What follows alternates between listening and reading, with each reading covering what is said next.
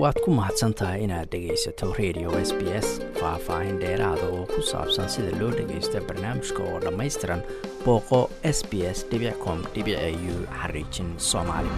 Dowladda federaalka ayaa isku dayeysa inay baarlamaanka hor keento oo mariso sharci xoojinaya awoodda ay u leedahay inay dalka ka tarxiisho muwaadiniinta dalalka kale ee gala dembiyo waaweyn oo ay ka mid yihiin gabodfalyada iyo gacanka hadalka isbahaysiga talada haya ayaa dib ugu soo celinaya baarlamaanka hindisa sharciyeedkan loo bixiyey character test. Kadib markii isku dayo hore loogu doonayay in sharcigan lagu ansixiyo lagu guuldaraystay sannadkii hore. Markii isagoo isticmaalaya awoodda hadda uu u leeyahay uu tarxiilay cayaartooygii taniska novak jokovich wasiirka socdaalka alex hog ayaa hadda doonaya awood dheeraad ah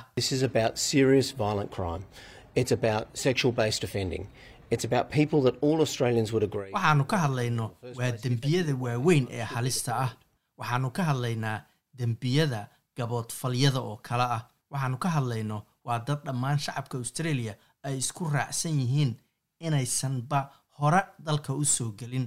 Haddii ay galaan mid ka mida dembiyadaasna ay tahay in la tarxiilo ayuu yidhi wasiirku dowladda federaalka ayaa soo bandhigtay hindisahan loo bixiyey xoojinta imtixaanka habdhaqanka qofka ama dabeecadda.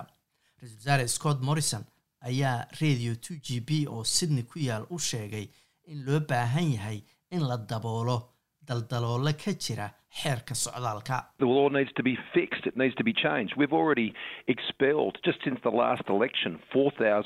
Sharcigan waa in la saxo waa in wax laga bedelo waxaan waddanka hore uga tarxiilnay wixii ka dambeeyey doorashadii u dambeysay afar kun oo qof oo fiisooyinkooda la kansalay kadib markii ay galeen dembiyo toban kun ayaanu tarxiilnay wixii ka dambeeyey markaanu dowladnimada la wareegnay. Markaan ahaa wasiirka socdaalka waxaan saxiixay qaar ka mida go'aanadaasi.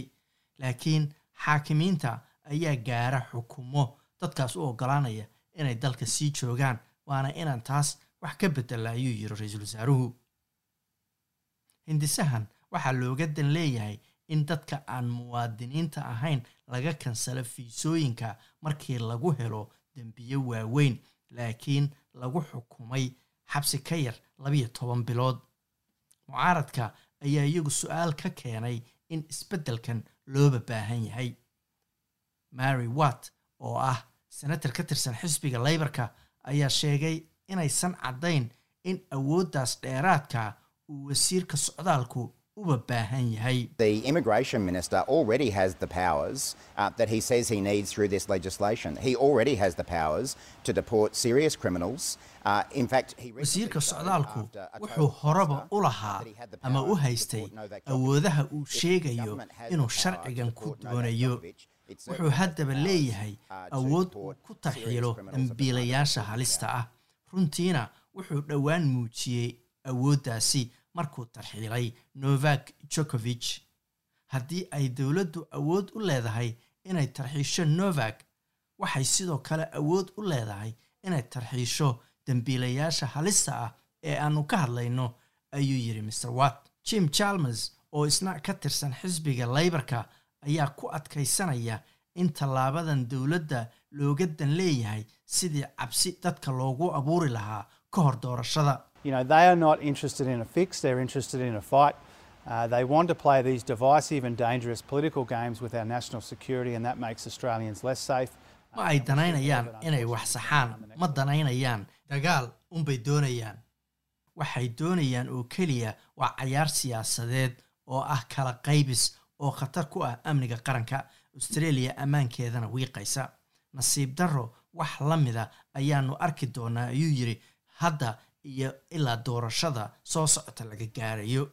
Sharciga iyo kala dambeynta ayaa ah mid dowladdu ay mar walba ku faanto iyadoo boqolaal muwaadiniin reer new zealand ah sannadkii la soo dhaafay dalka laga eriyey ama laga tarxiilay wasiirkii hore ee arrimaha gudaha peter dutton ayaa hadal uu yiri oo muran dhaliyey caalamka oo dhan gaaray. Uh, qashinka ayaanu tuuraynaa ayuu yidhi dembiilayaashuna waa inay fariintaas si cad u maqlaan. Haddana dowladda ayaa isku dayeysa inay ansixiso sharciga socdaalka markii saddexaad kadib markii hadda ka hor ay baarlamaanka hor keentay labadii kun iyo sagaal iyo tobankii waxayna xisbiga leybarka ku cadaadinaysaa inuu taageero isbeddelkan. Ra'iisul wasaare scott morrison u sheegay idaacadda two g b in shacabka australia lagu difaacayo.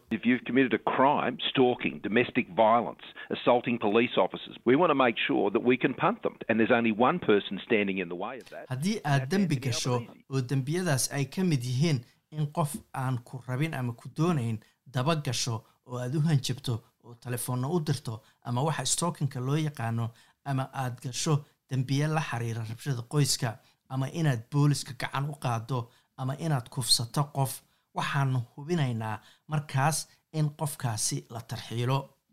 Hal qof ayaana taas hortaagan ayuu yidhi kaasna waa antony albanise oo ah hogaamiyaha xisbiga leybarka laakiin sanmati vema oo ah khabiir shuruucda socdaalka ayaa sheegay in hindisa sharciyeedkan uu yahay mid si liita loo soo qoray aysanna macquul ahayn ama ay adkaan doonto in la hirgeliyo ama la fuliyo.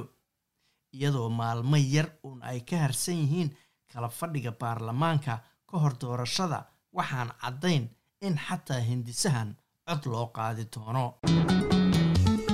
waad ku mahadsantahay inaad dhegaysato raadiyaha s b s. Toos u dhegaysa barnaamijka habeenada arbacada iyo jimcada tobanka fiidnimo. Ama kaga soo cesho website-ka iyaga iyo s b s radio app. Booqo s b s com au xariijin soomaali